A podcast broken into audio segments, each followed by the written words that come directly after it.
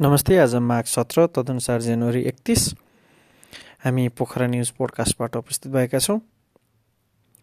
मोटरसाइकलको माध्यमबाट यात्रुलाई गन्तव्यसम्म पुर्याउने सुविधा दिँदै आएको टोटल एपको सेवा अब पोखरामा पनि सुरु भएको छ।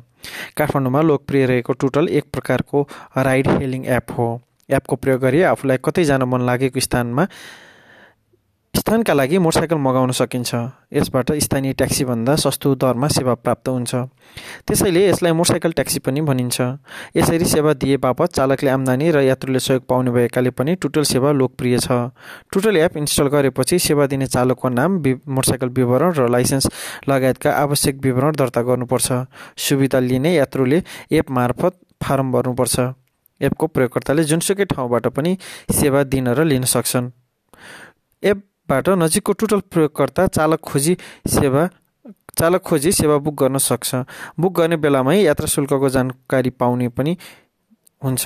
यो सेवा काठमाडौँ उपत्यकामा मात्र उपलब्ध भएकोमा अब पोखरामा पनि उपलब्ध भएको हो। एप डाउनलोड गरेर आफू भएको ठाउँ र जाने ठाउँ जानकारी दिएपछि पोखरा क्षेत्रमा सेवा दिने कम्पनीले जानकारी दिएको छ। Nepali cricketer Sandeep Jora T twenty अन्तर्राष्ट्रिय क्रिकेट मा अर्धशतक बनाउने सबैभन्दा युवा खेलाडी बनेका छन्। उनले सत्र वर्ष वर्ष एक सय तिन दिनको उमेरमा युए विरुद्धको डेब्यु खेलमा आज अभिजित त्रिपन्न रन बनाएर कीर्तिमान बनाएका हुन्। यसअघि क्यानाडाका हेरल पटेलको नाममा कीर्तिमान थियो। शारीरिक रूपमा अशक्त रहेकी तनहुकी कमला थापालाई बेल्जियम बस्दै आएका प्रवासी नेपालीहरूको समूहले आर्थिक सहयोग गरेको छ।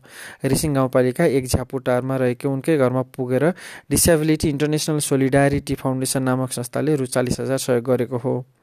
पोखरा दस रामबजार बस्दै आएकी स्वरूपुनको पहलमा संस्थाका उपाध्यक्ष कृष्ण तिलिजा पुनले थापालाई नगद सहयोग हस्तान्तरण गरेका हुन्। बेल्जियममा रहेका नेपालीहरूको स्थापना गरेको उक्त संस्थाले बेल्जियम तथा नेपालमा रहेका अपाङ्गहरूको लागि सहयोग गर्दै आइरहेको छ।